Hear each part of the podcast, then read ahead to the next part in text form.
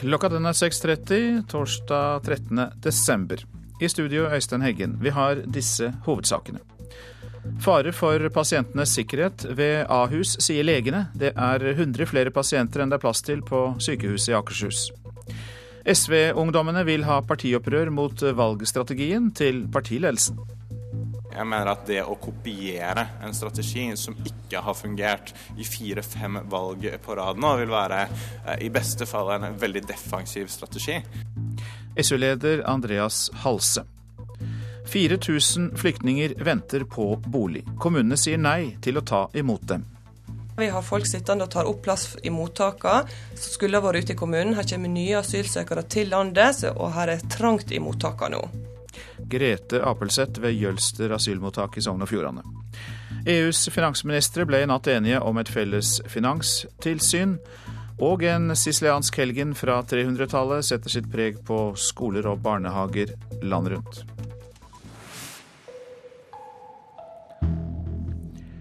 Pasientombudet i Akershus er bekymret for situasjonen på Ahus. Sykehuset har nesten 100 flere pasienter enn det er plass til, og ber om hjelp fra andre sykehus i nærheten. Og det er ingen varig løsning, mener Knut Fredrik Torne. Det er selvfølgelig urovekkende, men det jeg syns er bra, er at legene der oppe nå sier fra at dette her er en fare for pasientenes sikkerhet. I går kveld sa tillitsvalgt Heidi Espvik i Yngre legers forening ved Ahus ifra om kaotiske tilstander på et overbelasta sykehus midt i høgsesongen for influensa, omgangssyke og infeksjoner. Mange ligger i korridoren under uverdige forhold. Blodoverføringer i korridor og samtaler som eh, skjer uskjerma. Det kan jo gå utover liv og helse. Siden Ahus tok over et pasientgrunnlag på 160 000 fra Oslo universitetssykehus i 2011, har skandalene stått i kø. Det har også pasientene, som for tida er over 90 flere enn sykehuset har plass til. Akuttmottaket er overbelasta. Ahus har nå bedt om hjelp fra andre sykehus på Østlandet. Pasientombud Torne mener at hjelp fra omkringliggende sykehus ikke er noen løsning for framtida, verken for pasientene eller for legene. Da er det klart at man må ta andre grep. og Mitt råd i så måte er jo at man sender de erfarne legene ut i akuttmottaket. De erfarne legene de vil kunne sortere pasientene på en helt annen måte enn en eh, nyutdanna lege med tre måneders praksis og erfaring. Reportere her Ingunn Rauk og Hanna Lunde. Trafikken glir nå omtrent som normalt på E39 i Rogaland, men kjøreforholdene er vanskelige etter det kraftige snøværet i natt. I flere timer sto trafikken bom stille mellom Sandnes og Ålgård i går kveld, og vogntog uten kjettinger ble stående fast. Roger Lemme, vaktoperatør i veitrafikksentralen, sier at det dårlige været fortsatt byr på utfordringer.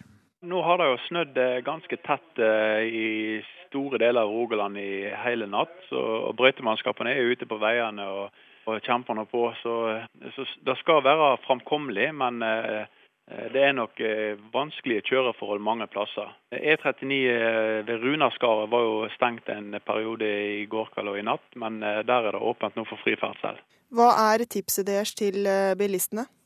Ja, tipset må, i dag må være at eh, har de mulighet til å ta buss eller reise kollektivt, så er det en fordel. altså. Reporter Jannike Møller Andersen. Etter over 14 timers forhandlinger ble EUs finansministre i natt enige om reglene for et felles europeisk banktilsyn. Alle landene i eurosonen må være med, men ingen av de andre landene i EU forplikter seg til å delta. Det nye banktilsynet er et skritt nærmere integrering av eurolandene og sender et signal om at de skal stå sammen for å takle krisene som oppstår. De håper at tilsynet vil gjenopprette tilliten til den europeiske banksektoren. Mer om det i Nyhetsmorgen etter klokka sju. SVs ungdomsparti vil ha et opprør mot valgstrategien til moderpartiet. Til våren skal SV bestemme seg for tre hovedsaker. SU-leder Andreas Halse vil skrote skolepolitikk som hovedsak, til fordel for arbeidslivspolitikk. Det vi har gjort, er at vi har stelt oss i spissen for et forslag om å bytte ut eh, skole som hovedprioritering for valgkampen, og erstatte det med et mer anstendig arbeidsliv. SU-leder Andreas Halse lobber for at moderpartiet skal endre valgstrategi. Ungdommen vil vrake skole og satse på arbeidsliv. Nestleder i programkomiteen Torgeir Knag Fylkesnes forklarer og forsvarer. Dette handler ikke bare om skole, det handler om hele oppvekstløpet. Det er både det som skal skje når folk begynner på skolen, men det han vil at SV skal møte velgerne med bolig, miljø og skole. De to sistnevnte har ikke virket de siste valgene, påpeker SU. Jeg mener at det å kopiere en strategi som ikke har fungert i fire-fem valg på rad nå, vil være eh, i beste fall en veldig defensiv strategi. Oppvekst er likevel viktigst, mener Fylkesnes. Eh, vi vet at de største forskjellene i samfunnet skapes i ung alder. Eh, det, er, det å få en god oppvekst og få en god utdanning det er noe av det viktigste et samfunnet kan gjøre for, for et menneske. Skolepolitikken har få skillelinjer. SV og Ap er enige. Forskjellen til høyresiden er mindre enn på lenge. Da er arbeidsliv og LO-stemmer et langt bedre valg, sier SU. De vil til kamp mot EØS og arbeidsliv, for likelønn, rett til heltid og midlertidige ansattes rettigheter. Med brutalisering av arbeidslivet, stadig flere vikarbyråer, uh, ufrivillig deltid osv., uh, osv., så, så er det for oss helt åpenbart at et sosialistisk parti må se hvilke folk vi er til for. Arbeidsliv var jo faktisk en av de tingene vi diskuterte helt i siste runde i, i komiteen, så det kan jeg røpe. Så ungdomsopprøret mot skolepolitikk kan føre frem? Jeg ønsker virkelig den diskusjonen her frem mot valget velkommen jeg, jeg, for å si det sånn, jeg kan også la meg overtale i denne saken her. Og det blir debatt mellom SU og SV i Politisk kvarter eh, kvart på åtte-reporter Lars Nehru Sand og David Krekling. SAS reagerer kraftig på at Norwegian kan få lov til å bemanne sine Asiaruter med billig arbeidskraft fra Bangkok. Det skriver Vårt Land. Regjeringen har åpnet for å endre loven, slik at norske flyselskaper kan gi lokal lønn til utenlandsk arbeidskraft. Det får SAS til å se rødt. Flyselskapet mener at Norge vil bli det første landet i Europa som gjennomfører full liberalisering av arbeidsmarkedet, hvis regjeringen endrer loven. Det er langt viktigere å sørge for felles regler i Europa, framfor å endre utlendingsforskriften, påpeker SAS. Dersom Norwegian ønsker billig arbeidskraft, burde de opprette en egen virksomhet i de land de ønsker å fly fra, skriver selskapet. Da det for kort tid siden ble kjent at regjeringen vil endre loven, fikk det arbeidstakerforeningene til å rase. Foreningene mener det er ren dumping. Men Norwegian er naturligvis glad for de mulige endringene. De satser nå i Asia og vil derfor ha kabinpersonell fra utenfor EØS-området. Konsernsjef Bjørn Kjos mener Asia vil bli et hyppigere reisemål for Østens turister i framtida, og at det derfor er viktig for et norsk selskap å konkurrere også der sa reporter Thea Nordén Dahl. Tysk politi leter etter to menn de mistenker for å ha plassert en kraftig bombe på sentralstasjonen i Bonn. To menn etterlot seg en bag med eksplosiver på perrongen på stasjonen mandag. Ifølge politiet kunne gjenstanden ha utløst en stor og farlig ildkule dersom den hadde gått av. Hele sentralstasjonen i Bonn ble evakuert da bagen ble oppdaget. Norske selskaper er blant de første utenlandske bedrifter som etablerer seg i Myanmar etter at landet åpnet seg for omverdenen. Norge var det første landet til å lette på sanksjonene, og nå er selskapene våre i front. Det sier Aksel Blom, som er landrepresentant for Thailand og Myanmar i Innovasjon Norge. Så til avisene. Venn med Vestens fiender, skriver Aftenposten om Kina. For giganten i øst er der ingen andre vil være, og handler med Iran, Venezuela, Nord-Korea, Sudan og Zimbabwe. Flere trenger hjelp, men det er færre som gir, er oppslaget i Adresseavisen. 40% flere enn i fjor har søkt om matstøtte fra avisas juleinnsamling, men det er langt færre enn før som gir bidrag. Tatt som gissel er oppslaget i VG. Nav-leder Pål Bjørsrud på Tøyen i Oslo forteller om dramaet i sommer da han ble truet med revolver av en mann som hadde fått nei på søknaden om uføretrygd. Bøndenes beste venn, det er Espen Barth Eide ifølge Nasjonen, for utenriksministeren får årets bondevettpris fra Bondelaget, som takk for ostetollen. Salg av norsk musikk stuper, og vi velger utenlandsk på Wimp og Spotify, skriver Klassekampen. Overgangen fra CD til musikkstrøm på internett har kuttet andelen av norsk musikk fra 50 til under 20% Skjult gigantutbytte, skriver Dagens Næringsliv om Johannes Lunde. Gründeren og lystbåtprodusenten i Stavanger skal uberettiget ha tatt ut 140 millioner kroner i utbytte, mener Økokrim. De vil drive meg til selvmord, sier Anders Behring Breivik. Dagsavisen skriver at den terrordømte beskylder ledere i kriminalomsorgen for å prøve å bryte ham ned mentalt advarer mot særbehandling av kristne i Kristiansand bystyre, skriver Fedrelandsvennen. Kristne politikere advarer mot at deres trosfeller får så mye støtte fra det borgerlige flertallet, og at bystyret ukritisk støtter organisasjoner med ett spesielt livssyn. Utesteder som serverer folk i MC-vest risikerer skjenkenekt, skriver Bergens Tidende. I Bergen er det ikke lenger lov for skjenkestedene å slippe inn folk som har synlige merker fra motorsykkelklubber. Men jusprofessor tviler på om forbudet er lovlig. Ti råd om lidenskap for å bevare kjærlighetsgnisten. Det er Dagbladets oppslag.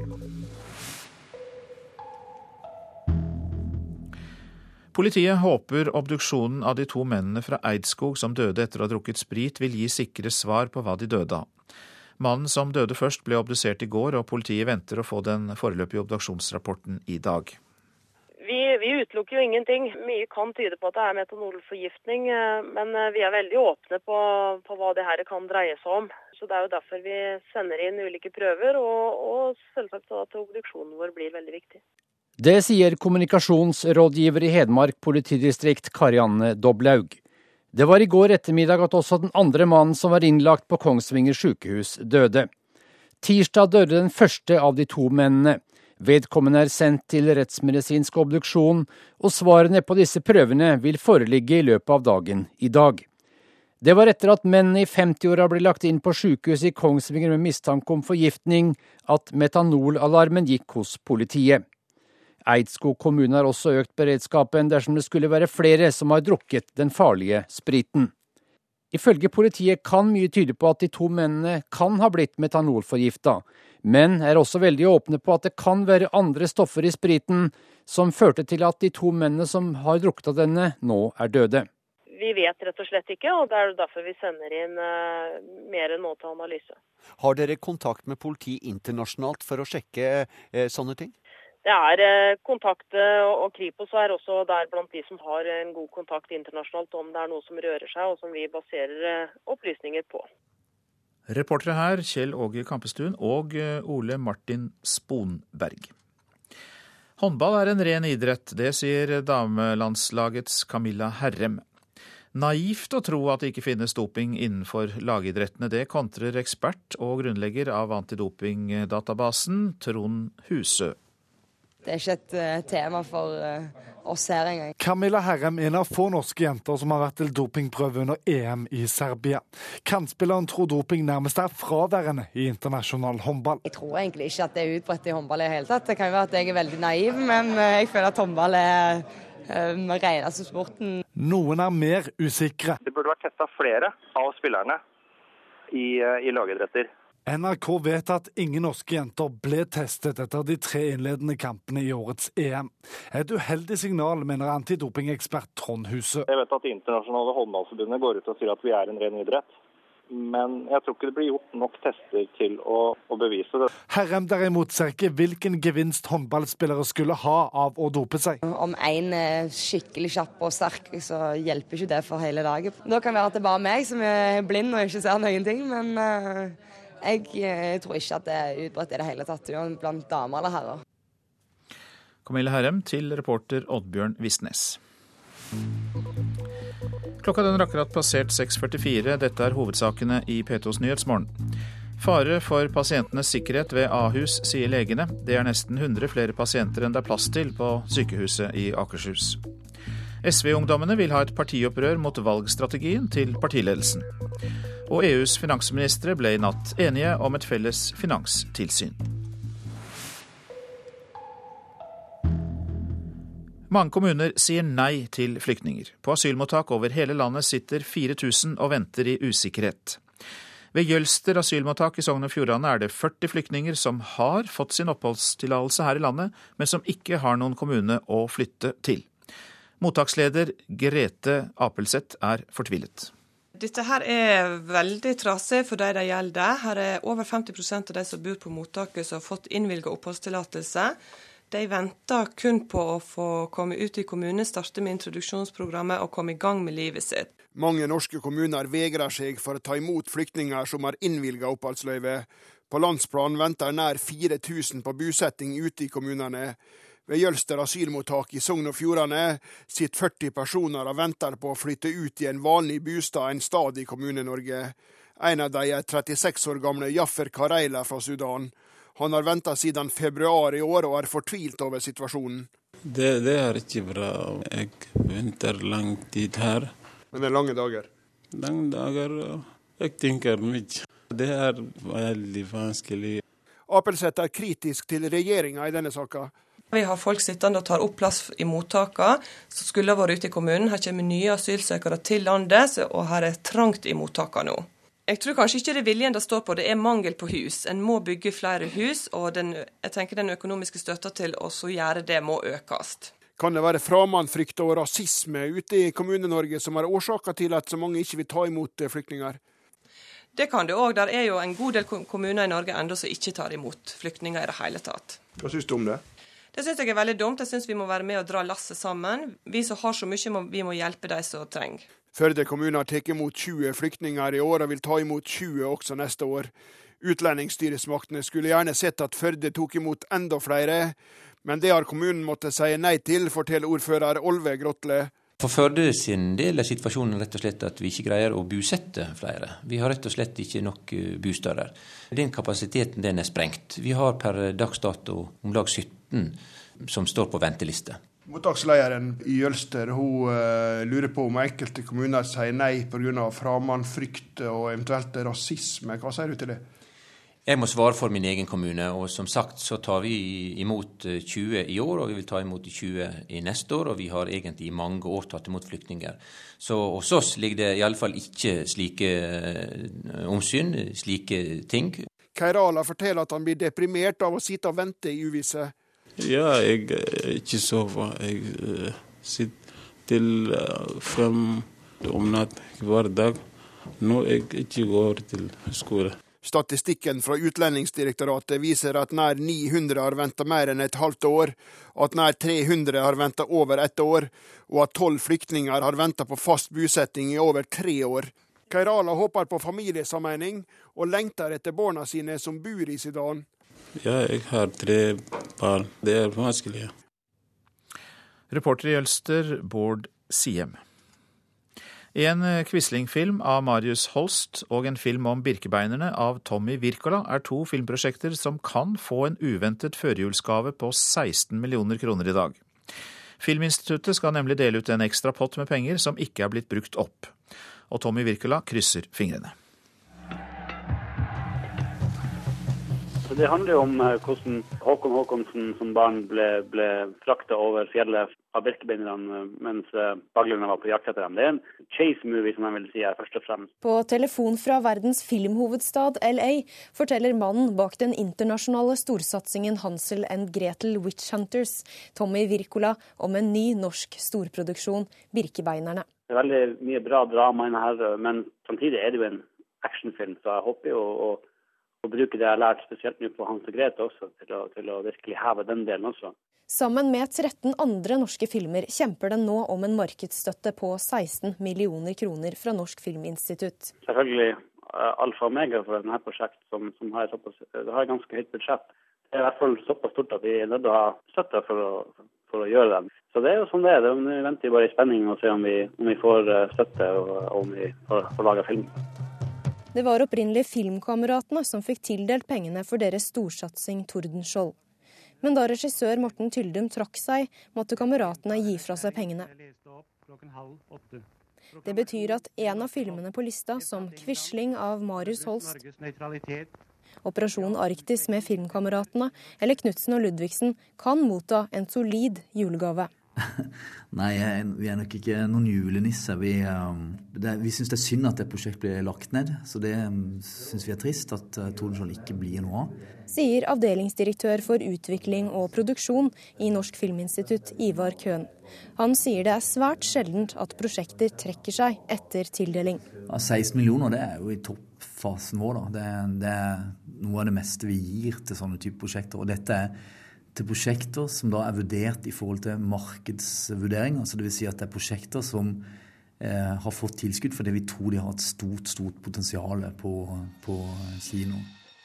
Ved et vindusbord sitter Eva og diskuterer intenst med en gruppe menn. Regissør Peder Nordlund leser utdrag av manus til Orions belte. Du tar feil. Bratteli burde tatt imot Gåsvigens tilbud om å dele suvereniteten mellom Norge og Sovjet. Nei, altså vi gir oss ikke med dette så lett. For at både Thomas og jeg tror veldig på prosjektet. Så, så går det ikke denne gangen, så er vi på neste omgang. Hva tenker du om å få en ekstra sjanse?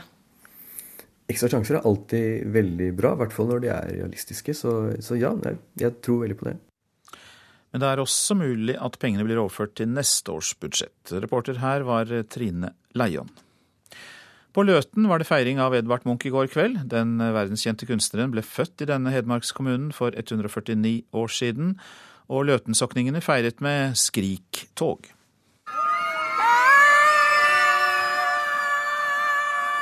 Slik hørtes det ut da barn og voksne skrek av full hals i det som trolig var verdens første skriktog i Løten i går kveld. skriker Rigvor Sofienlund, en av de vel 50 deltakerne som trosset kuldegradene og skrek seg varme i Skriktoget. Det betyr veldig mye for Løten. Det var jo her han hadde sitt første skrik, og derfor så måtte vi jo ha et skriktog. Nå er det avspark for det store jubileumsåret 2013, Munch-året. Og da ønsker vi Løten å markere det der det hele starta på Engelø med Munchs første skrik. Sier Monica Blikstad Grønbakken, som fant på ideen med å ha et eget skriktog. Toget, oppkalt etter Edvard Munchs kjente maleri, startet fra Munchs fødested, gården Engelhaug Østre i Løten, og gikk til det nye Munch-senteret på Klefoss industrimuseum. Synes koselig at alle marker bursdagen og fødselen til Edvard Munch. Sier Ingeborg Tingelstad Spikerud, som i dag bor på gården der vår mest kjente kunstmaler ble født i 1863. Veldig koselig. At det blir markert, og at det blir kjent. At det blir mer kjent òg når født enn nå, i Løten. Hvordan er det å bo på samme stedet som eh, Edvard Munch ble født? Veldig koselig. Skal vi skrike?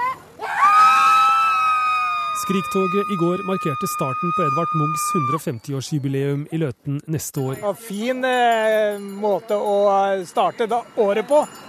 Det er det. I alt er åtte kommuner med på å feire Munch 150 år. Veldig stas for oss å markere at eh, Munch ikke bare er en Oslo-kunstner, men at han også har tilhørighet til de andre sju kommunene som er en del av Munch-kommunene. Sier Elisabeth Linnea Vik fra Vestby kommune. Det er gøy å få skrike!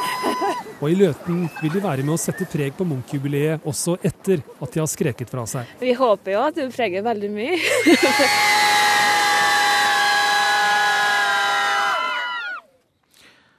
Og reporter eh, i Løten, Stein S. Eide. Det er funnet et hittil ukjent eventyr av den danske forfatteren H.C. Andersen. En lokalhistoriker på Fyn fant det 190 år gamle arket, eller arkene, med eventyret i bunnen av en eske med arkivmateriale.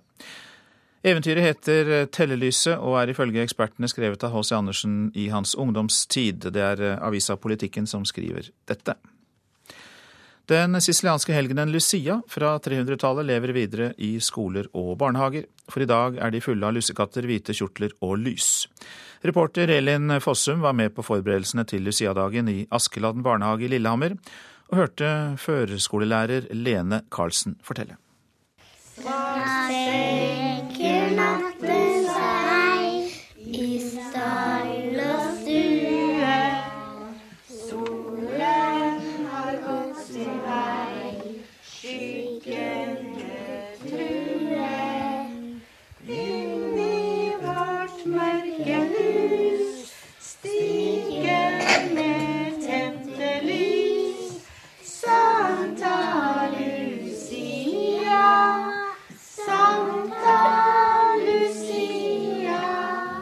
Adam, eh, husker du hvem Lucia var? Hvordan er det Lucia ser ut? Lucia-hatt med lys. Ivar, hva syns du om at det er de minste som skal gå Lucia-toget, da? Var det bra? Har du gått til Lucia-toget? Ja, når jeg var liten her. Hva var det du gjorde da, da? Uh, det husker jeg ikke. Men jeg holdt i hvert fall et lys. Og eh, vi skal videre til Oslo domkirke, for det holdes Lucia-konsert nå på morgenkvisten. Og eh, Kvinnelige studenters landsforening står bak dette, reporter Dang Trind. Ja, hva skjer rundt deg? Akkurat nå så øves det for fullt her før eh, dørene åpnes i domkirken klokken sju. Eh, og eh, det er altså da Kvinnelige studenters sangforening som øver her i bakgrunnen. Og de har med seg Det Norske Jentekors aspirantkor. Og de har på seg hvite kjoler med rødt bånd knyttet rundt livet. Og det er veldig fin stemning her i domkirken nå. Det er levende lys som er tent, og lysekronene står på med dempet belysning. Og jeg har med meg Astrid Mjøs, som også har på seg hvit kjole og rødt bånd rundt livet. Du synger også i koret. Du, hvor lenge har dere øvd til dagens konsert? Vi har jo fast øving én dag i uken gjennom hele året. Og så foran store konserter så blir det jo gjerne litt ekstra øvinger innimellom. og litt helgeøvinger også. Mm. Hvordan har du det nå rett før konserten? Du ser litt lur ut. Du, Jeg har det veldig fint. Jeg gleder meg veldig. Mm. Denne konserten er blitt en veldig fin tradisjon i koret, som vi gleder oss veldig mye til hvert eneste år. Mm. Um, det er ikke første gangen dere har hatt konsert, men uh, her i Domkirken har ikke dere vært så mye? Nei, dette er andre gang vi har Lucia-konsert i Domkirken, men det er syvende året vi arrangerer denne konserten. Mm. Og Dere har et ganske bredt repertoar til vanlig. Hvordan er det å stå i Domkirken nå rett før jul og synge julesanger? Det er fantastisk fint og veldig stemningsfullt. Det er en helt egen klang og en helt egen stemning her i Domkirken, så vi føler oss veldig heldige som får lov til å være her. Mm. Og helt til slutt, Tror du det er mange som møter opp så tidlig for å gå på konsert? Ja, det tror jeg. Vi pleier å ha en, i hvert fall 300 gjester, så jeg tror ikke det blir noe mindre i år. Vi får se hvordan det går. Dørene åpner klokken syv, og det har vært opptil 300 her eh, tidligere. og eh, det er god stemning. De lokker med lussekatter og kaffe. Så nå får vi bare gjøre siste innspurten i øvingen nå før konserten begynner.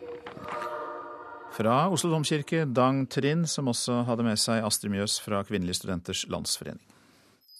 NRK Klassisk. Den vakreste julemusikken på radio i hele desember.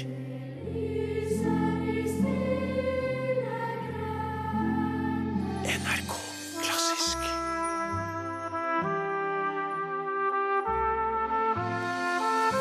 Digital radio. Mer radio til alle. Og så litt vær. Langfjella snø sør for Finse først på dagen, ellers for det meste opphold. Fjell i Sør-Norge unntatt Langfjella, stort sett pent vær. Øst for Dovre stedvis mer skyet. Østland og Telemark litt snø av og til sør for Mjøsa, ellers skyet eller delvis skyet opphold. Agder vest for Lindesnes liten kuling, i kveld stiv kuling, litt snø av og til. Rogaland sørøst stiv og til dels sterk kuling utsatte steder. Snøbyger fra i formiddag lettere vær. Hordaland sørøst liten kuling, stiv kuling i sør. Enkelte snøbyger. Fra i ettermiddag lettere vær i Hordaland. Så til Sogn og Fjordane. Periodevis liten kuling på kysten. Opphold og til dels pent vær. I ettermiddag forbigående snøbyger i sør. Møre og Romsdal først på dagen enkelte snøbyger i ytre strøk, ellers til dels pent vær. Trøndelag i nord litt snø i grensetraktene, ellers til dels pent. Helgeland, Saltfjellet, Salten og Ofoten. Østlig stiv kuling utsatte steder. I grensetraktene litt snø, ellers lettskyet oppholdsvær. Vi går nordover til Lofoten, Vesterålen og Troms. Liten kuling i nord, stort sett pent vær. I grensetraktene litt snø i kveld. Finnmark sørlig liten kuling utsatte steder. I vest periodevis stiv kuling. Litt snø i sør, ellers til dels pent vær i Finnmark. Og Nordensjøland på Spitsbergen stort sett pent vær. Temperaturer målt klokka sju. Svalbard lufthavn minus ti. Kirkenes minus seks. Varde minus tre. Alta minus sju. Tromsø-Langnes minus tre. Bodø minus tre. Brønnøysund minus seks. Trondheim-Værnes minus tolv. Molde minus sju. Bergen-Flesland minus 1 grad. Stavanger 0. Kristiansand-Kjevik minus 2. Gardermoen minus 11. Lillehammer minus 10. Røros er nede i minus 20, og Oslo-Blindern minus 8 grader. Dette var altså temperaturene klokka fire i natt.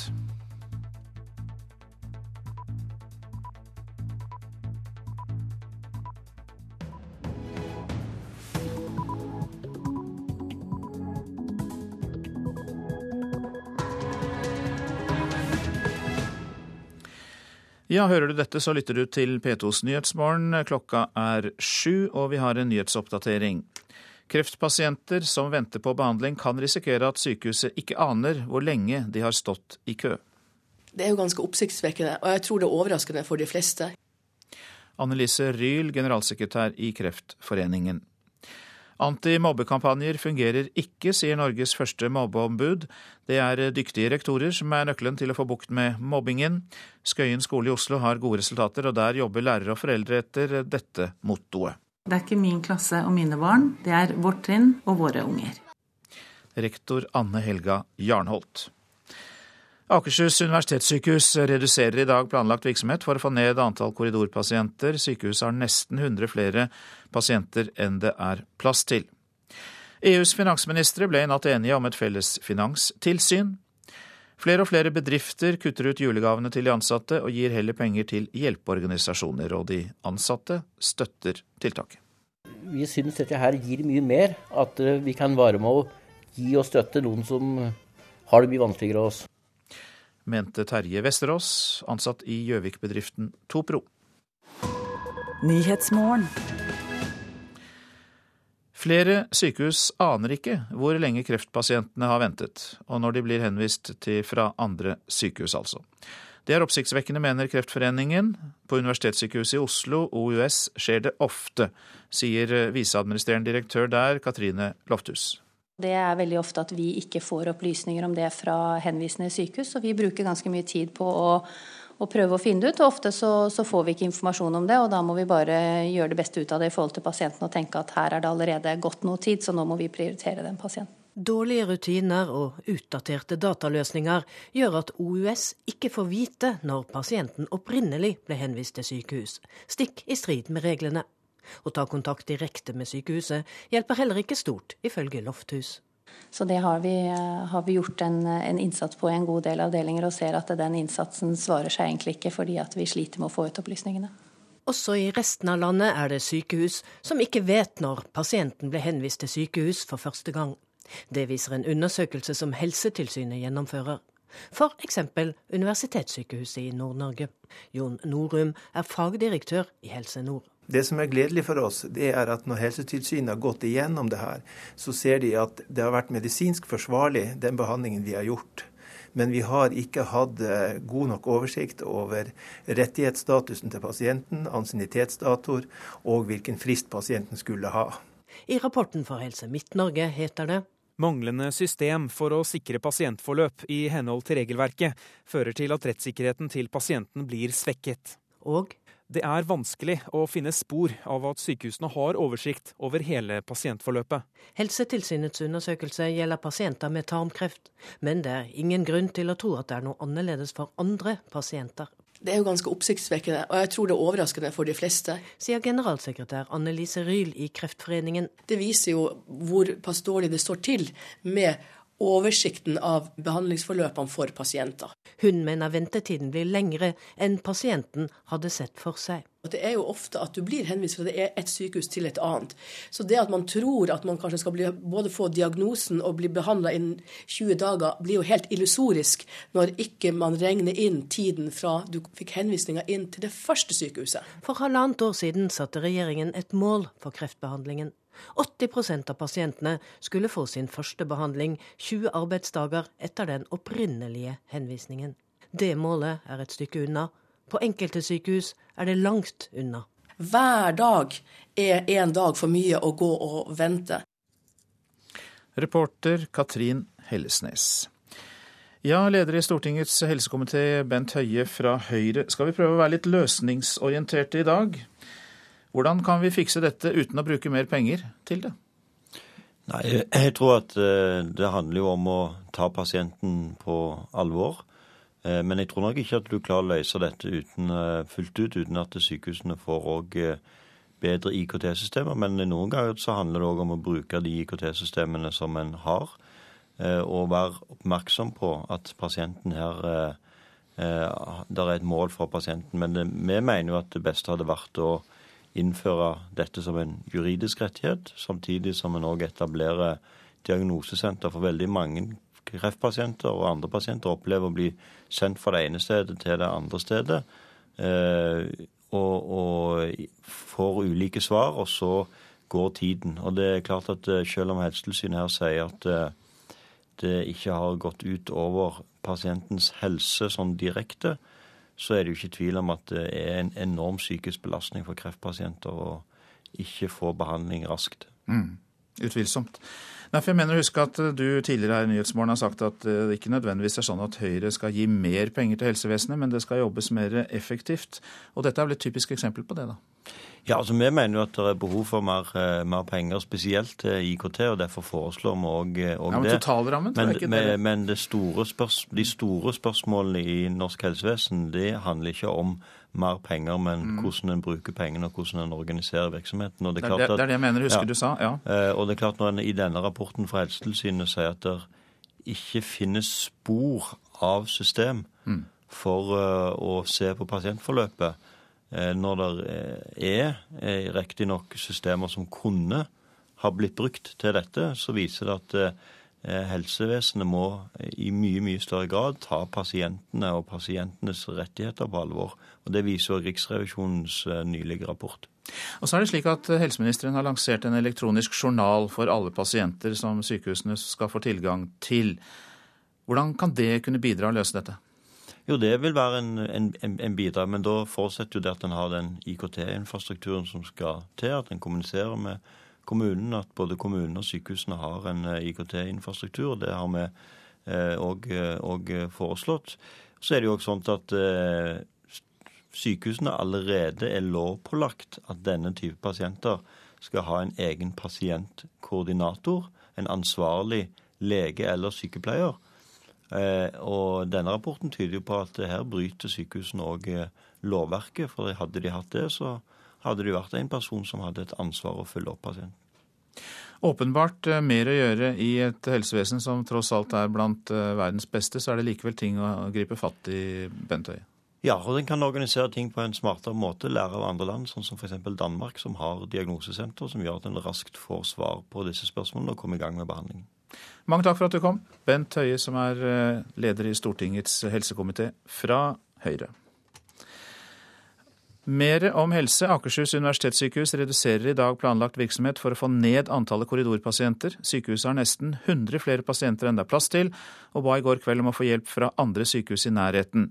Fylkeslege Petter Skau har fått forsikringer fra sykehuset om at det ikke er fare for pasientenes liv og helse. Nå har de forsikret eh, meg i samtale med dem at eh, de har kontroll. De har gjort ganske mange tiltak nå for å, å sikre seg. De, Bl.a. ved å samarbeide tett med andre sykehus i, i eh, hovedstadsområdet.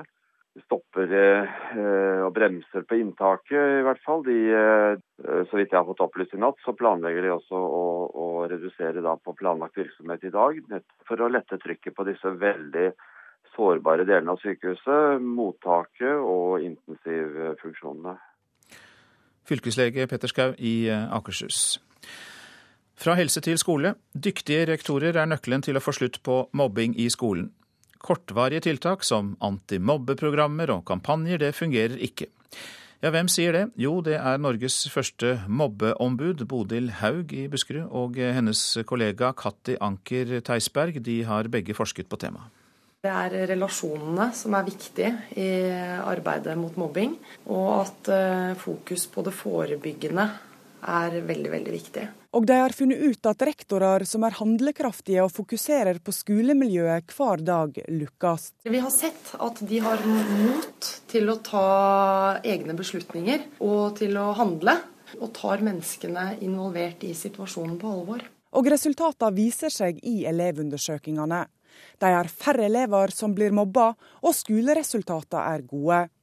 Bodil Haug, påtroppende mobbeombud i Buskerud, Norges første i sitt slag, sier at det er viktig at skolemiljøarbeidet er en del av kulturen ved skolen. Vi ser jo at på begge disse skolene vi har vært på, så er det et system i bunnen. De har planer, lederne kjenner planene sine godt. Lærerne er litt eh, de kjenner dem veldig godt på den ene skolen. Den andre skolen kjenner dem kanskje ikke så godt, men de handler og agerer etter dem. Så de kjenner dem i strukturen og i kulturen uten å kjenne til akkurat ordene som står der. Og da tenker jeg at det viser jo at planene er en del av skolekulturen.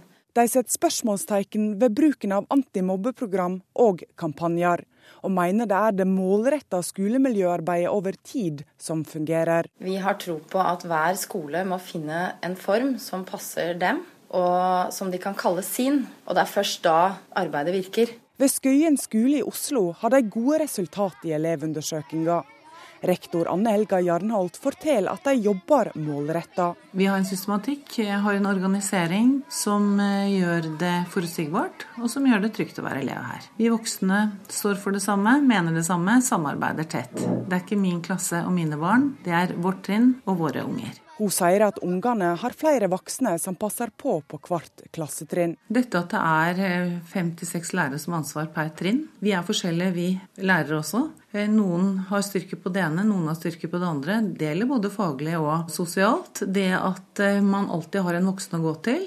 Noen passer for meg, noen passer for deg. Vi har ansvar for en, en, en fast mengde med barn. Men eh, de har flere voksne å møte, og det er mange som ser. Det er en kvalitetssikring i det.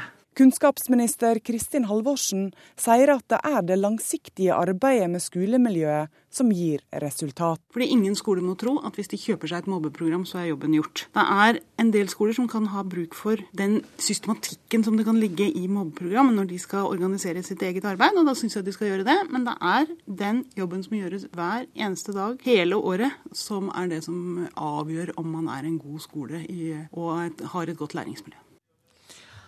Kunnskapsminister Kristin Halvorsen til reporter Tone Gullaksen. Og vi har med oss Thomas Nordahl, professor i pedagogikk ved Høgskolen i Hedmark. Ja, så koker det kanskje ned til gode ledere, dette her?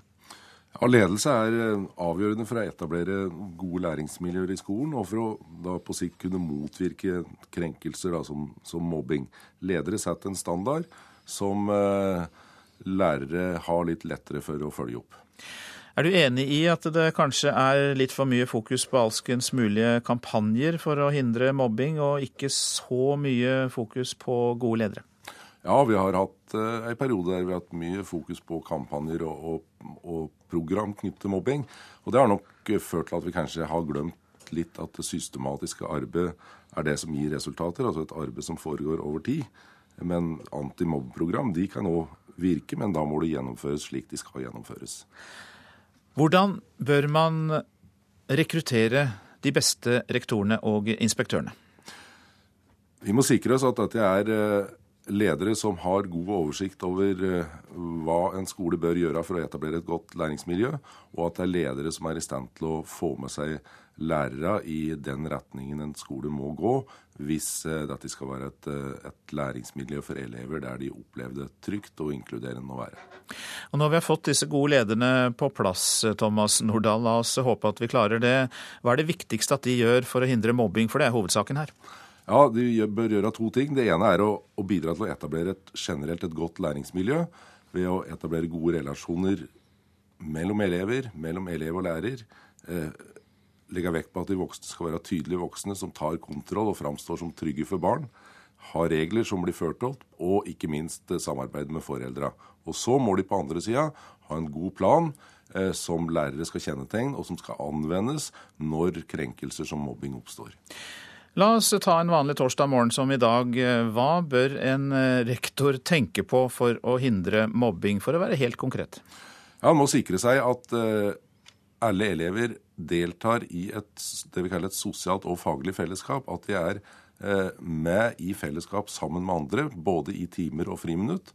Og så må en være opptatt av at lærere snakker med elever, eh, og på den måten få en sikkerhet for at den enkelte elev opplever at den har tilhørighet og aktiv deltakelse sammen med andre, og opplever seg inkludert og ikke ekskludert fra fellesskapet. Takk skal du ha, Thomas Nordahl, professor i pedagogikk ved Høgskolen i Hedmark.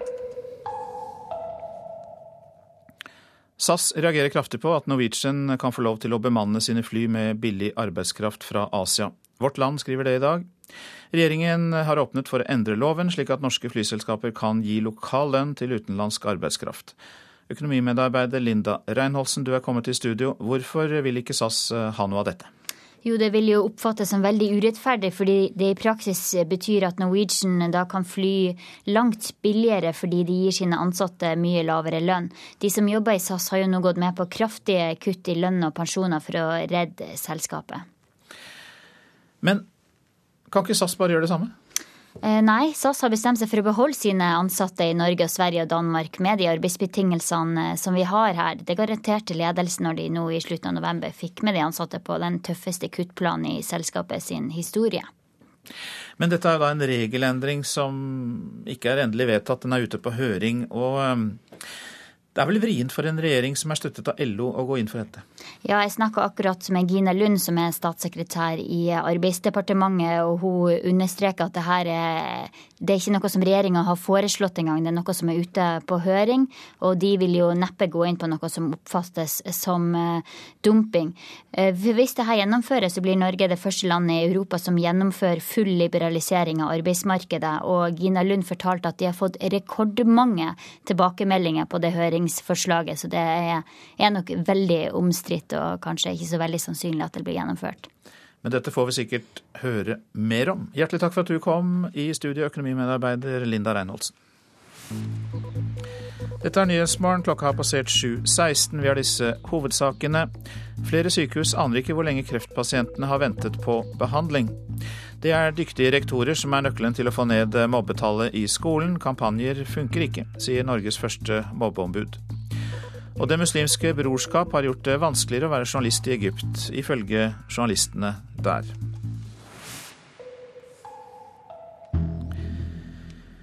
Etter Nobelfesten for EU så meldte straks hverdagen seg, men faktisk, etter 14 timers forhandlinger, så er unionens finansministre blitt enige om reglene for et felles europeisk banktilsyn.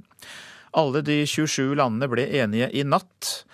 Men eh, det er bare eurolandene som er forpliktet til å delta. Og da er du med oss, korrespondent Hege Moe Eriksen i Brussel. Hva skal det nye banktilsynet gjøre? Ja, Dette skal være selve grunnmuren i den festningen som nå skal beskytte Europa mot nye finanskriser. Dette betyr at tyske, franske, greske banker skal underlegges en felles kontroll på tvers av landegrensene. Man får altså en slags supervaktbikkje i form av den europeiske sentralbanken, som skal føre tilsyn med bankene. Og Det viktigste med dette er at sentralbanken, nå som den får full kontroll, kan låne penger til svake banker i eurosonen. For det som har vært problemet til nå, er at stater som Spania, som Irland, har måttet selv låne penger for å redde sine egne svake banker, og dermed har de selv gjort seg til gjeldsslaver. Nå vil man bryte dette båndet. Bryte dette mønsteret, og da skal man også passe på veldig mange banker. Hvor mange er det snakk om? At dette har lenge vært et stridstema. I utgangspunktet så var det snakk om at alle de 6000 bankene skulle inn under dette nye tilsynet. Frankrike presset på eh, for dette, bl.a. fordi det ville bety at enhver bank ville kunne få hjelp fra sentralbanken. Det blir ikke sånn. Nå har man trukket en grense som gjør at det bare er de største bankene som kommer med. Men det er jo fortsatt eh, tvilsomt hvor mange av landene som faktisk blir med på dette. Eurosonelandene må bli med, men så er det resten av EUs medlemsstater medlemsstater. Sverige eksempel, er svært skeptisk og har sagt at de nok ikke vil bli med i uoverskuelig framtid. Fordi man er skeptisk til at svenske skattebetaleres penger kan bli brukt til å redde f.eks. svake banker i Spania. Det tok 14 timer å få dette kompromisset på plass. Hvorfor var det så vanskelig? Det er fordi at det er snakk om dyptgripende endringer på bankmarkedet. Det handler jo om at landene nå må oppgi nasjonal kontroll over egne banker. Og så handler det om hvem som skal betale da, når svake banker i eurosonen trenger redningshjelp. Og så handler det i tillegg om eh, rollen til den europeiske sentralbanken. Nå skal banken holde de Der uh, fikk vi nesten ikke med oss det siste fra Hege Moe Eriksen. Litt vanskelig forbindelse. Men hovedsaken uh, fikk vi med oss, nemlig uh, hvordan det nye banktilsynet skal fungere. Takk skal du ha. Så har vi noen andre nyhetsmeldinger. I Filippinene er over 900 mennesker funnet døde etter tyfonen, og fortsatt er flere hundre savnet. 2000 landsbyer ble rammet av jordskred og oversvømmelser. De må regne med å bli der i flere måneder, mens myndighetene prøver å bygge flere, mer varige boliger. Israelske grensevakter drepte en væpnet palestinsk tenåring i Hebron på Vestbredden i går. Ifølge israelsk politi hadde han en pistol med seg da han gikk mot grensevaktene. Det har vært stor spenning på Vestbredden etter de israelske angrepene mot Gaza i forrige måned. Om bare 40 år vil hvite være i mindretall i USA, og om 50 år vil det være dobbelt så mange ikke-hvite som i dag. Nesten en tredel av amerikanerne vil være spansktalende. Og Serbias rikeste mann er pågrepet siktet for korrupsjon. Milliardæren Miroslav Miskovic har ifølge tiltalen tusket til seg 200 millioner kroner fra et selskap som driver med veivedlikehold. Miskovic driver med varehandel, landbruksnæring, eiendom og forsikring i Serbia.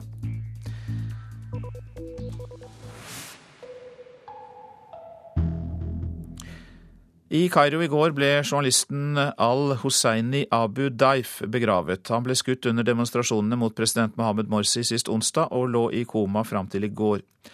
Journalistene som deltok i begravelsen legger skylden på Det muslimske brorskap, og sier det er blitt eh, vanskeligere å være journalist siden de overtok makten i Egypt. Det gjaller i veggene til Journalistforbundet her i Kairo. Flere hundre journalister roper slagord mot regimet, mot president Mohammed Morsi og mot Det muslimske brorskapet.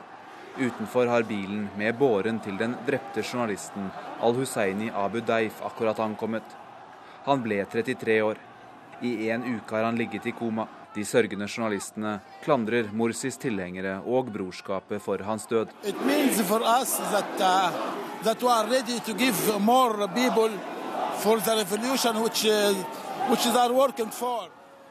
dette betyr at vi er klare for å gi flere folk til revolusjonen. Dette betyr at vi er fullstendig motstandere av dette islamistiske regimet. Vi er mot fanatikere. Vi er for frihet, sier Assem Hanafi. På en av bannerne står det Vi er alle al-Husseini Abu Daif. Mange har bilder av den drepte fotojournalisten som sto helt inntil frontlinjen sammen med motstanderne av presidenten da han ble skutt. Journalistikken er slik. Vi ser etter sannheten, og noen ganger blir folk drept. Men vi vil ikke la oss stanse av den grunn, sier han. Men Egypt er nå et splittet samfunn, og meningene om hva som er sannheten, er delte. Tilhengere av president Morsi mener at statseid og uavhengig media som de ikke kontrollerer, gir et galt bilde av virkeligheten. Bare løgner, sier Hanafi. Siden Mohammed Morsi fikk makten, har media vært en slagmark. Nylig ble en redaktør og en journalist tiltalt for å ha fornærmet presidenten. Ytterliggående islamister holder nå en protestleir utenfor Media City, et lite stykke utenfor Kairo, hvor de private TV-kanalene har sine studioer. Det forekommer også direkte trusler mot journalister fra ytterliggående religiøse grupper, og siden presidenten ble innsatt, har Morsi og brorskapet skiftet ut redaktørene i de statseide avisene.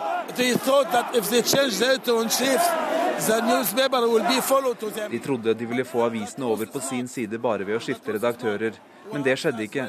Det finnes mange uavhengige aviser, og også i de statseide avisene finnes det fortsatt kritiske journalister, sier Hanafi.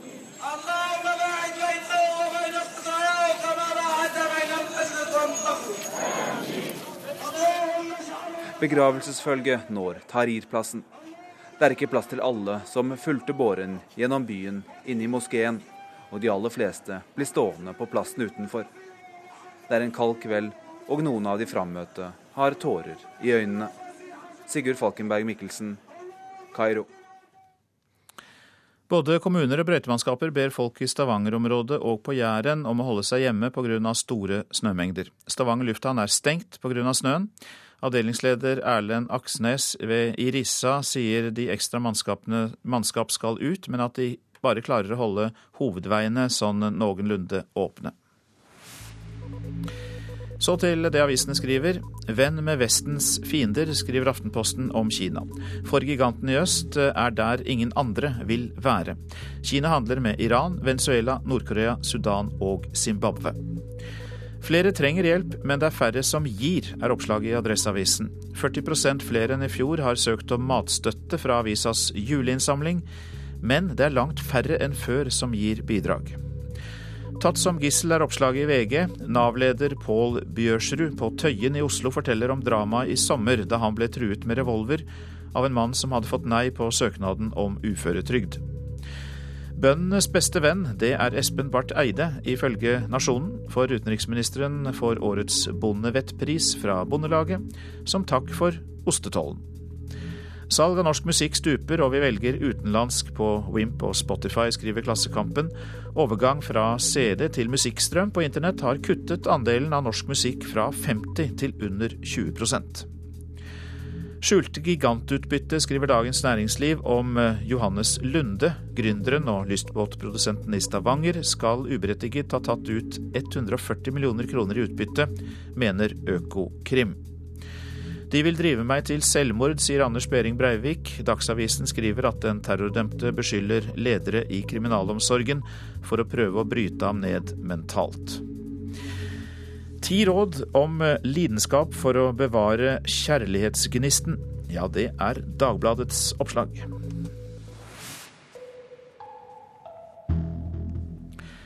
Mange er vant til å få en julegave fra arbeidsgiveren sin, men eh, nå er det flere bedrifter som har kuttet denne gesten. Flere og flere velger å gi pengene til noe helt annet. Alltid mye diskusjoner rundt julegaver. Eh, noen liker de, noen liker de ikke. Jula nærmer seg med stormskritt, og nå er det på tide å vite hvem du skal gi julegave til. Flere bedrifter velger nå å kutte gavene til sine ansatte, til fordel for noe mer nyttig. I år tenkte vi at vi skulle gjøre en vri på det, og vi beslutta derfor å gi en sum til en hjelpeorganisasjon som kan bruke disse pengene mye mer nyttig enn det vi kan gjøre her på Topro. Det sier Rune Midthun, daglig leder i Topro på Gjøvik. Ja, Det syns vi er helt strålende. Så hvis det er flere bedrifter som kan gjøre det, så tar vi imot med stor takknemlighet. Og Det er jo fantastisk. Det er vi jo utrolig glad for og stolte av. Og ydmyke overfor. Ellen Bjølseth og Morten Lønstad i organisasjonen Forut er over seg av begeistring. De mottar pengesummer fra forskjellige bedrifter, som igjen blir sendt til veldedige formål i Asia og Afrika. Her, for her kan folk gå inn og pynte juletreet på nettet. Mm. Ved å henge på og registrere seg, så her er det jo noen Foreløpig så er det ikke så mange som har gjort det, men dette er en ren sånn Facebook. Du drar over f.eks. en julekur som koster 100 kroner, eller en julekule som koster 200. Ja. Og VIPS, bedriftens julepenger, går f.eks. til barneretta virksomhet i India. Jeg har ikke fått noen negative kommentarer ennå. Og de ansatte rynker ikke på nesa av dette tiltaket. Å gi en gave til 450 ansatte og tro at det blir wow, at dette er midt i blinken, det er, det er å tro på julenissen.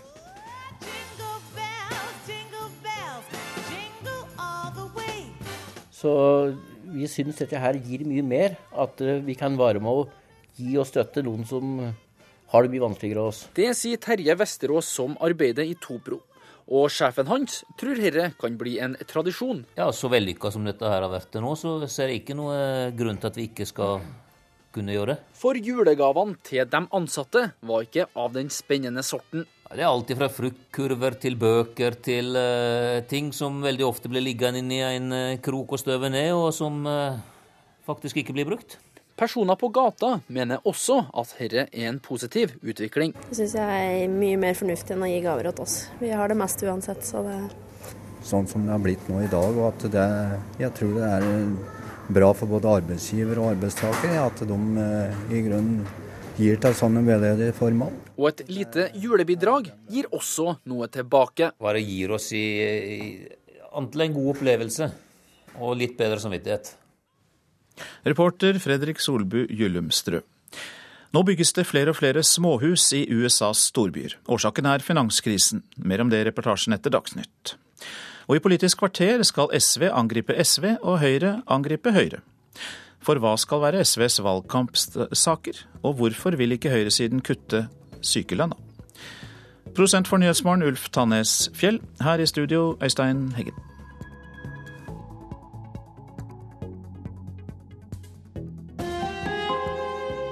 Hør ekko. Rommet er to ganger tre meter. Møblene er skrudd godt fast i vegger og gulv. Og øverst i den tjukke døra er det et bitte lite vindu. Om du trenger å rope om hjelp. Hvordan hadde du taklet å sitte der alene 23 timer i døgnet? Fanger i norske fengsler blir syke av det, av isolasjon. Men det er det ikke så mange som bryr seg om. Ekko 9 11 i NRK P2.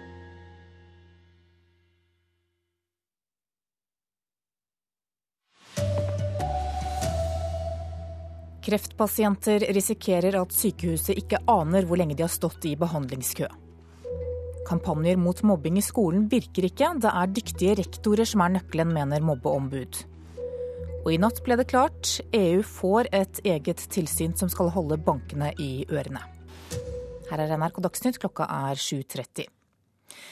Flere sykehus aner ikke hvor lenge kreftpasienter har ventet når de blir henvist fra andre sykehus. Kreftforeningen mener at dette er oppsiktsvekkende, men på Oslo universitetssykehus er dette helt vanlig. Det sier viseadministrerende direktør Katrine Lofthus. Så vi bruker ganske mye tid på å, å prøve å finne det ut. og Ofte så, så, får vi ikke informasjon om det, og da må vi bare gjøre det beste ut av det i forhold til pasienten og tenke at her er det allerede gått noe tid, så nå må vi prioritere den pasienten. Dårlige rutiner og dataløsninger gjør at OUS ikke får vite når pasienten opprinnelig ble henvist til sykehus, stikk i strid med reglene. Og det samme skjer i resten av landet, ifølge en undersøkelse fra Helsetilsynet. Fagdirektør Jan Norum i Helse Nord understreker at pasientene har fått medisinsk forsvarlig behandling. Men vi har ikke hatt eh, god nok oversikt over rettighetsstatusen til pasienten, ansiennitetsdatoer og hvilken frist pasienten skulle ha. Undersøkelsen gjelder tarmkreft, men det er ingen grunn til å tro at det er noe annerledes for andre pasienter. Det er jo ganske oppsiktsvekkende, og jeg tror det er overraskende for de fleste. Sier generalsekretær Annelise Ryhl i Kreftforeningen. Det viser jo hvor pass dårlig det står til med oversikten av behandlingsforløpene for pasienter. Hun mener systemsvikten gjør at ventetidene er lengre enn noen hadde ant. Regjeringens mål er at 80% av kreftpasientene skal få behandling innen 20 arbeidsdager. Og For å nå det målet som vi trodde vi skulle nå i løpet kanskje av dette året her, ser vi jo nå at vi har enda lang vei å gå, fordi at det viser seg at de egentlig ikke hadde noe særlig oversikt i utgangspunktet. Reporter var Katrin Hellesnes. Helsevesenet må i mye større grad ta pasientene og rettighetene deres på alvor. Det sier leder i Stortingets helsekomité Bent Høie fra Høyre. Høie mener sykehusene nå må forbedre systemene sine. Ja, altså Vi mener jo at det er behov for mer, eh, mer penger, spesielt til IKT. Men store de store spørsmålene i norsk helsevesen det handler ikke om mer penger, men mm. hvordan en bruker pengene og hvordan en organiserer virksomheten. Og det er klart Når en i denne rapporten fra Helsetilsynet sier at det ikke finnes spor av system mm. for uh, å se på pasientforløpet, uh, når det er er riktignok systemer som kunne ha blitt brukt til dette, så viser det at helsevesenet må i mye mye større grad ta pasientene og pasientenes rettigheter på alvor. Og Det viser også Riksrevisjonens nylige rapport. Sa Bent Høie fra Høyre. Antimobbekampanjer i skolen virker ikke, det sier Norges første mobbeombud Bodil Haug. Sammen med kollega Katti Anker Theisberg har hun forsket på temaet, og de konkluderer med at det er dyktige rektorer som er nøkkelen for å få slutt på mobbing i skolen. Mot til å ta egne beslutninger og til å handle, og tar menneskene involvert i situasjonen på alvor. Rektorene de har intervjua i forskninga er handlekraftige. De fokuserer hver dag på skolemiljøet, de kan lover og regler, men setter elever og foreldre først i en mobbesak. Og resultatene viser seg i elevundersøkingene. De har færre elever som blir mobba, og skoleresultatene er gode. Bodil Haug, påtroppende mobbeombud i Buskerud, Norges første i sitt slag, mener at verken kampanjer eller program fungerer. Det er det målretta skolemiljøarbeidet som verker. Vi har tro på at hver skole må finne en form som passer dem, og som de kan kalle sin. Og det er først da arbeidet virker. Ved Skøyen skole i Oslo har de gode resultat i elevundersøkinga. Rektor Anne Helga Jarnholt forteller at de jobber målretta. Vi har en systematikk, har en organisering som eh, gjør det forutsigbart, og som gjør det trygt å være elev her. Vi voksne står for det samme, mener det samme, samarbeider tett. Det er ikke min klasse og mine barn, det er vårt trinn og våre unger. Kunnskapsminister Kristin Halvorsen sier at det er det langsiktige arbeidet som gir resultat. Fordi ingen skole må tro at hvis de kjøper seg et mobbeprogram, så er jobben gjort. Men det er den jobben som gjøres hver eneste dag, hele året, som er det som avgjør om man er en god skole og har et godt læringsmiljø. Reporter var Tone Gullaksen. Eurolandenes banker skal overvåkes for å hindre en ny krise. EUs finansministre ble enige i natt om å opprette et eget banktilsyn. Og europakorrespondent Hege Moe Eriksen, hva er viktig med dette nye tilsynet? Ja, Det blir sagt her i Brussel at dette er årets julegave til EU. Eh, e dette skal være selve grunnmuren i den festningen som skal beskytte Europa mot nye finanskriser. Store banker i Europa skal nå kontrolleres av en slags supervaktbikkje i form av Den europeiske sentralbanken. Og dette er viktig, fordi det betyr at eh, sentralbanken, nå som den får full kontroll, kan låne penger direkte til svake banker, f.eks. i Sør-Europa Europa som trues av kollaps. Problemet fram til nå har vært at eh, land som Spania, som Irland, har selv måttet låne penger for å redde sine banker. Det vil de slippe i fremtiden. Hvorfor har det vært så vanskelig å få dette tilsynet på plass? Dette er det første steget mot en europeisk bankunion, og dette er dyptgripende endringer på bankmarkedet. Det handler om at landene nå må oppgi nasjonal kontroll over egne banker, og det er det mange som er skeptiske til, bl.a. Sverige, som eh, ikke vil bli med i denne unionen eh, foreløpig, fordi man ikke vil at svenske skattebetaleres penger skal eh, gå til å finansiere bl.a. svake spanske banker. Slik at dette er sensitive og vanskelige temaer som de nå også vil snakke videre om på toppmøtet i Brussel i dag. Da skal vi høre at eh, SAS reagerer kraftig på at Norwegian kan få lov til å bemanne sine Asia-ruter med billig lokal arbeidskraft. Det skriver Vårt Land. Regjeringen har et forslag ute på høring som kan føre til at norske flyselskap kan gi lokal lønn til utenlandske ansatte. Statssekretær Gina Lund sier Arbeidsdepartementet har fått over 800 høringssvar. Vi har fremmet en høringssak for å få synspunkter på dagens utlendingsforskrift. Det ligger ingen føringer i det forslaget som er sendt ut på høring, men vi har bedt om synspunkter på hvordan dagens regelverk fungerer. Hva tenker du om at dere har fått så mange tilbakemeldinger? Det viser jo at det er betydelig interesse for denne saken. Og veldig mange av høringssvarene peker på at en endring av dagens regelverk vil åpne for mulig sosial dumping. Vi vil nå gjennomgå de høringssvarene vi har fått, grundig. Reporter her var Linda Reinholdsen. Både kommuner og brøytemannskap ber nå folk i Stavanger-området og på Jæren om å holde seg hjemme pga. store snømengder. Stavanger lufthavn er stengt pga. snøen. Avdelingsleder Erlend Aksnes i Risa sier de ekstra mannskapene er sendt ut, men at de bare så vidt klarer å holde hovedveiene åpne. SVs ungdomsparti vil ha et opprør mot valgstrategien til moderpartiet. Til våren skal SV bestemme seg for tre hovedsaker. SU-leder Andreas Halse vil kaste skolepolitikk som hovedsak, til fordel for arbeidslivspolitikk. Det vi har gjort, er at vi har stelt oss i spissen for et forslag om å bytte ut eh, skole som hovedprioritering for valgkampen, og erstatte det med et mer anstendig arbeidsliv. Jeg mener at det å kopiere en strategi som ikke har fungert i fire-fem valg på rad nå, vil være eh, i beste fall en veldig defensiv strategi.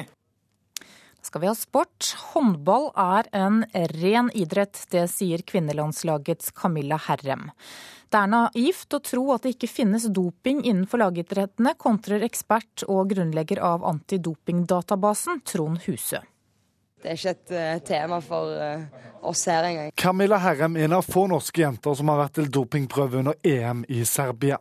Kantspilleren tror doping nærmest er fraværende i internasjonal håndball. Jeg tror egentlig ikke at det er utbredt i håndball i det hele tatt. Det kan jo være at jeg er veldig naiv, men uh, jeg føler at håndball er den altså sporten Noen er mer usikre. Det burde vært testa flere av spillerne i, i lagidretter. NRK vet at ingen norske jenter ble testet etter de tre innledende kampene i årets EM. Et uheldig signal, mener antidopingekspert Trond Huse. Jeg vet at Det internasjonale håndballforbundet går ut og sier at vi er en ren idrett. Men jeg tror ikke det blir gjort nok tester til å, å bevise det. Herrem derimot ser ikke hvilken gevinst håndballspillere skulle ha av å dope seg. Om én er skikkelig kjapp og sterk, så hjelper ikke det for hele laget. Da kan det være at det er bare meg som er blind og ikke ser noen ting, men uh, jeg, jeg, tror ikke at det er utbredt i det hele tatt blant damer eller herrer. Reporter var Oddbjørn Vistnes. Ansvarlig for denne sendingen heter Sven Gullvåg, teknisk ansvarlig Frode Thorshaug, i studio Anne Jetlund Hansen.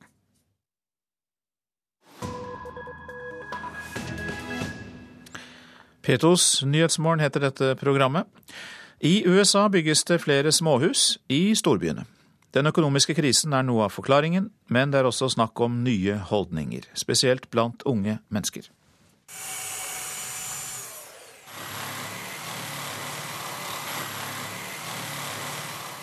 Det snekres og bygges for fullt på en mellomstor tomt ganske sentralt i Washington DC. Men det som virkelig er spesielt med dette byggeprosjektet, er størrelsen på husene. Mens amerikanernes husdrøm stort sett har vært en størst mulig bolig med alle slags bekvemmeligheter, går den nye trenden i stikk motsatt retning. My home will be 150 square feet, roughly. About 210 square feet. Including the loft space, maybe like 180, 200 square feet. Husene våre blir på omtrent 20 kvadratmeter, sier Jay Austin og Brian Levy. De gikk sammen med noen venner og kjøpte tomten praktisk talt i sentrum av den amerikanske hovedstaden. De gleder seg veldig til å flytte inn. De kommer til å bo i gangavstand både til jobb og til kafeer, restauranter og butikker. Boligene deres blir ikke større enn en gjennomsnittlig norsk campingvogn, men de synes at de har gjort et riktig valg. Driven by uh, a desire for financial freedom, not financial necessity. So I think that tiny homes are really great for one who wants to live simply, who wants to live within their. De unge huseierne understreker at de har god utdannelse og jobber med greie lønninger. De små boligene gjør at utgiftene holdes på et lavt nivå. Beboerne er ikke tvunget til å bo trangt, de har tatt et valg for å kunne ha økonomisk frihet til å gjøre andre ting, sier de. Det blir et enklere liv på mange måter, og så fristes de ikke så lett til å leve over evne. We've been trending towards tighter and compact spaces for some time. Vi har sett denne trenden mot mindre boliger en god stund, sier Monty Hoffmann, som representerer et entreprenørfirma i Washington DC. Firmaet er i ferd med å ferdigstille 100 kompaktboliger, hver på ca. 35 kvadratmeter. Men det bygges stadig flere slike boliger i andre store amerikanske byer, som New York og San Francisco, der det er mange innbyggere og mangel på plass. They're more about experience than they are material things. Uh, they, they like their space, uh, but they like the, uh, uh, the street theater. The street, the, the cafes, those become our living room. Menneskene som kjøper disse boligene er mer opptatt av opplevelser enn av materielle ting, sier utbygger Hoffmann. De er opptatt av miljøet rundt. Gatene og kafeene tett på blir på en måte en del av boligene, mener han. We're a little worried about zombies uh, creeping in. Uh, you know, a few times a year, the, uh, the full moons are a bit uh, frightening. Vennegjengen i Washington DC fikk kanskje tomta ekstra billig fordi den ligger inntil en kirkegård. De er litt redde for at det skal komme et gjenferd eller to på besøk når det er fullmåne, men de håper på det beste. That, you know, um, lower cost affordable housing, you know, can be can be very livable. And maybe we don't need the big McMansions that we've, you know. Vi tror at stadig flere amerikanere vil forstå at det er fullt mulig å leve godt i billigere og mindre boliger. Kanskje vi ikke trenger disse store eneboligene som hittil har vært idealet i USA. Det går an å leve ut den amerikanske drømmen også på en annen måte, sier disse ungdommene i den amerikanske hovedstaden. Reportasjen var laget av Jan Espen Kruse. Dette er Nyhetsmorgen, og dette er hovedsakene nå. Kreftpasienter som venter på behandling kan risikere at sykehuset ikke aner hvor lenge de har stått i kø. Antimobbekampanjer fungerer ikke, sier Norges første mobbeombud. Det er dyktige rektorer som er nøkkelen til å få bukt med mobbingen. Eurolandenes banker skal overvåkes for å hindre en ny krise. EUs finansministre ble enige i natt om å opprette et banktilsyn. Nå er det Politisk kvarter, og programleder Bjørn Myklebust, jeg trodde SV var skolepartiet? SV, skolepartiet som har kunnskapsministeren, må droppe skole som valgkampsak. Og det kommer fra partiets egen ungdom.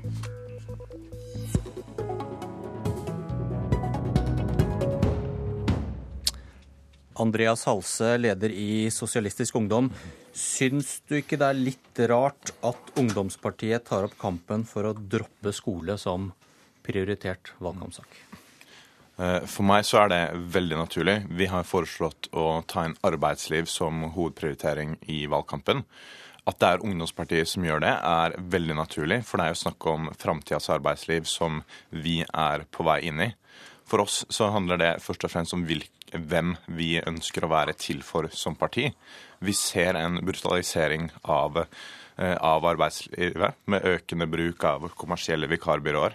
Vi ser det innenfor offentlig sektor der det blir stadig færre til å ta de tyngste løftene, mens byråkratiet eser om seg. Vi ser det i transportbransjen, der folk må uh, begynne å konkurrere med utenlandske trailersjåfører som jobber for 1000 euro i, i, i måneden i Norge. Uh, I en sånn situasjon så bør det være lett for oss, mener jeg, å se hvem vi først og fremst må være til for. Da må vi tørre å ta to trinn ned uh, på, på klassestigen. Eh, slutte å være et parti først og fremst for kultureliten og utdanningsmiddelklassen, og være til for arbeidsfolk. Hvorfor tror du SV ser ut til å ende opp med da miljø, bolig og skole? For det første så tror ikke jeg at vi ender opp med det, og det er det som er innstillinga fra komiteen. Men det er der dere har endt før? Det er der vi har endt før. Det er der vi har endt i 2005, 2007, 2009 og 2011. Eh, og det er jo ikke noe hemmelighet at alle de valgene så har det gått jevnt nedover med SV. Hvis vi mener alvor med å breie ut profilen vår, som bl.a. Audun Lysbakken har blitt valgt på, som vi har støtta han på, og som er grunnen til at vi fortsatt støtter han som en god SV-leder, er jo nettopp at vi må breie ut profilen vår og gjøre, gjøre endringer i våre politiske prioriteringer. Da må det gi seg utslag også i valgkampen. Da er det en bedre idé å kjøre fram arbeidsliv som en av tre hovedsaker. Skole kommer vi til å snakke om uansett. Torgeir Knag Fylkesnes, du er nestleder i programkomiteen i SV. Ja, Audun Lysbakken han ble valgt med, som leder med løfter om å breie ut SV. Dere skulle vinne arbeiderstemmene. Og så blir ikke arbeidsliv en av de prioriterte sakene fram mot valget. Det er lett å lese dette som at Lysbakken har tapt en viktig kamp i partiet? Uh, nei, på ingen måte. Uh, bare la meg oppklare noen ting her. For det første så er det jo ikke Dette er jo et arbeidsprogram for de neste fire år. Det er jo ikke, en, det er jo ikke, det er ikke valgkampstrategien vi har laget her. Um, og så når det gjelder Men fortell, det, fortell, oss hva da disse tre uthevede sakene er, da. Ja, um, altså for det første så har vi jo det er jo en, Sånn som jeg opplever det, så er jo den en ganske ny, fornya strategi som vi legger opp for de neste fire år. Det første er at vi ønsker en, en grønn transportrevolusjon. Altså fra motorveier eh, til en satsing på jernbane og kollektivløsninger. Og så ønsker vi å utveie, utjevne forskjeller mellom distrikt eh, og by. Og så har, vi, så har vi en boligreform, at alle skal ha seg et hjem. Vi ser i dag et eh, veldig tøft eh, boligmarked.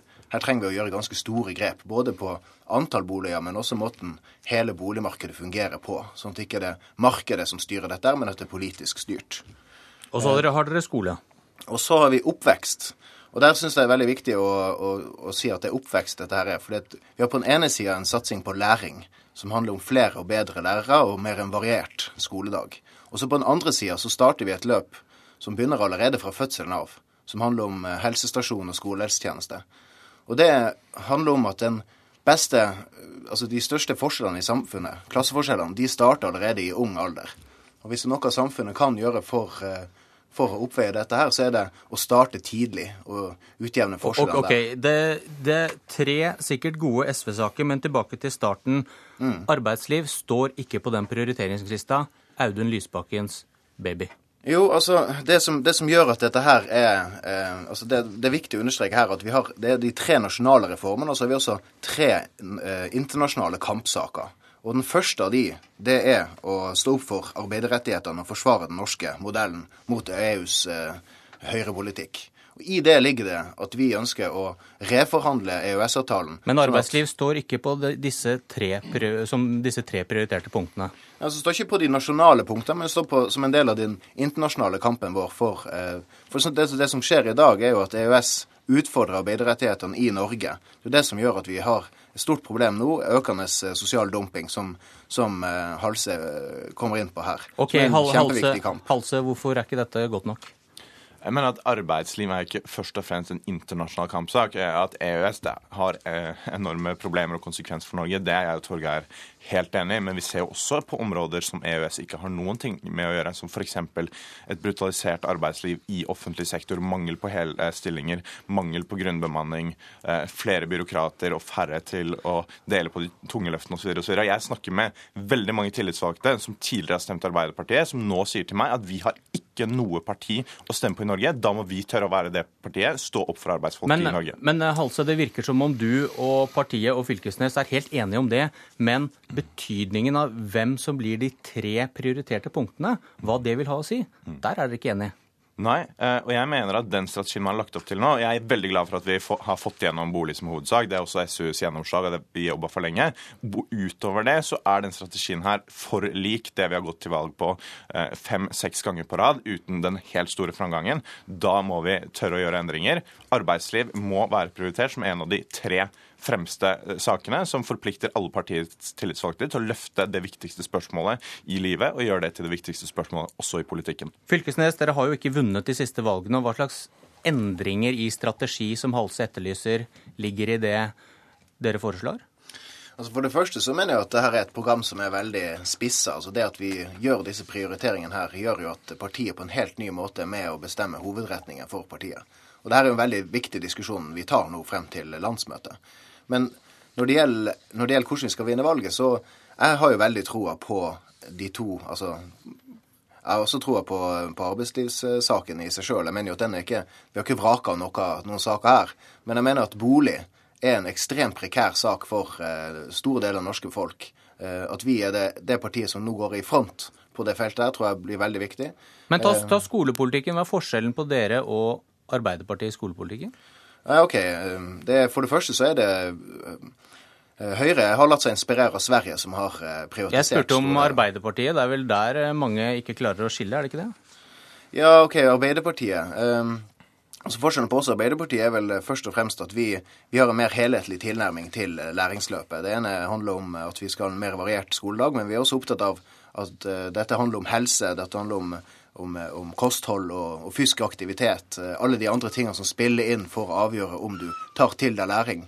Eh, så tror jeg nok også at, vi, at det ligger en forskjell i hvor tungt vi satser på oppvekst generelt i, i SV. Vi har, jo, vi har, jo, en lang og god tradisjon for å være opptatt av å gi folk en god oppvekst. Og, og vi, vi prioriterer nok det tyngre enn, andre, enn nok de aller fleste partier i, i, Norge i dag. Du Fylkesnes, jeg hørte deg tidligere i morges sa at du kunne la deg overbevise om å ta inn arbeidsliv istedenfor skole. Du var ikke helt lukka på det. Har du blitt Altså, jeg har jo jobba i, i, i, fagbevegelsen sjøl, og, og, er jo veldig opptatt av eh, likelønn og, og deltid. Og, og, mye av de kampene som nå står opp som, eh, for de kvinnedominerte gruppene i det norske samfunnet i dag. Jeg ser at det, der, der eh, der er det et kjempestort behov, og, og det er en gruppe som har blitt lenge eh, blitt eh, dårlig behandla i arbeidslivet. Så eh, jeg er nok eh, jeg er lydhør i den diskusjonen. her. Jeg mener at man bør ikke ha en, en lukka debatt der man bare inntar forskjellige typer posisjoner. Så jeg, jeg syns det er veldig bra at SU tar dette her opp. Jeg mener det er helt betimelig.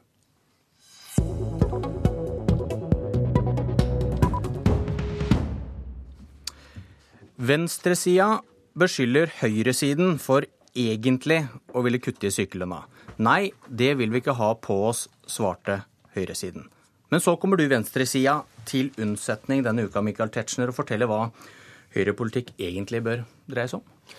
Ja, vi har en programprosess gående, og jeg er så heldig å være med i Oslo Høyre. Og vi har sendt inn som et programforslag at man eh, ser på muligheten for å stramme noe til på korttidsfravær, sykelønn for korttidsfravær. Eh, dog slik at, at man eh, opprettholder inntektssikringen i hovedsak de første 16 dagene. Senere så er det som før.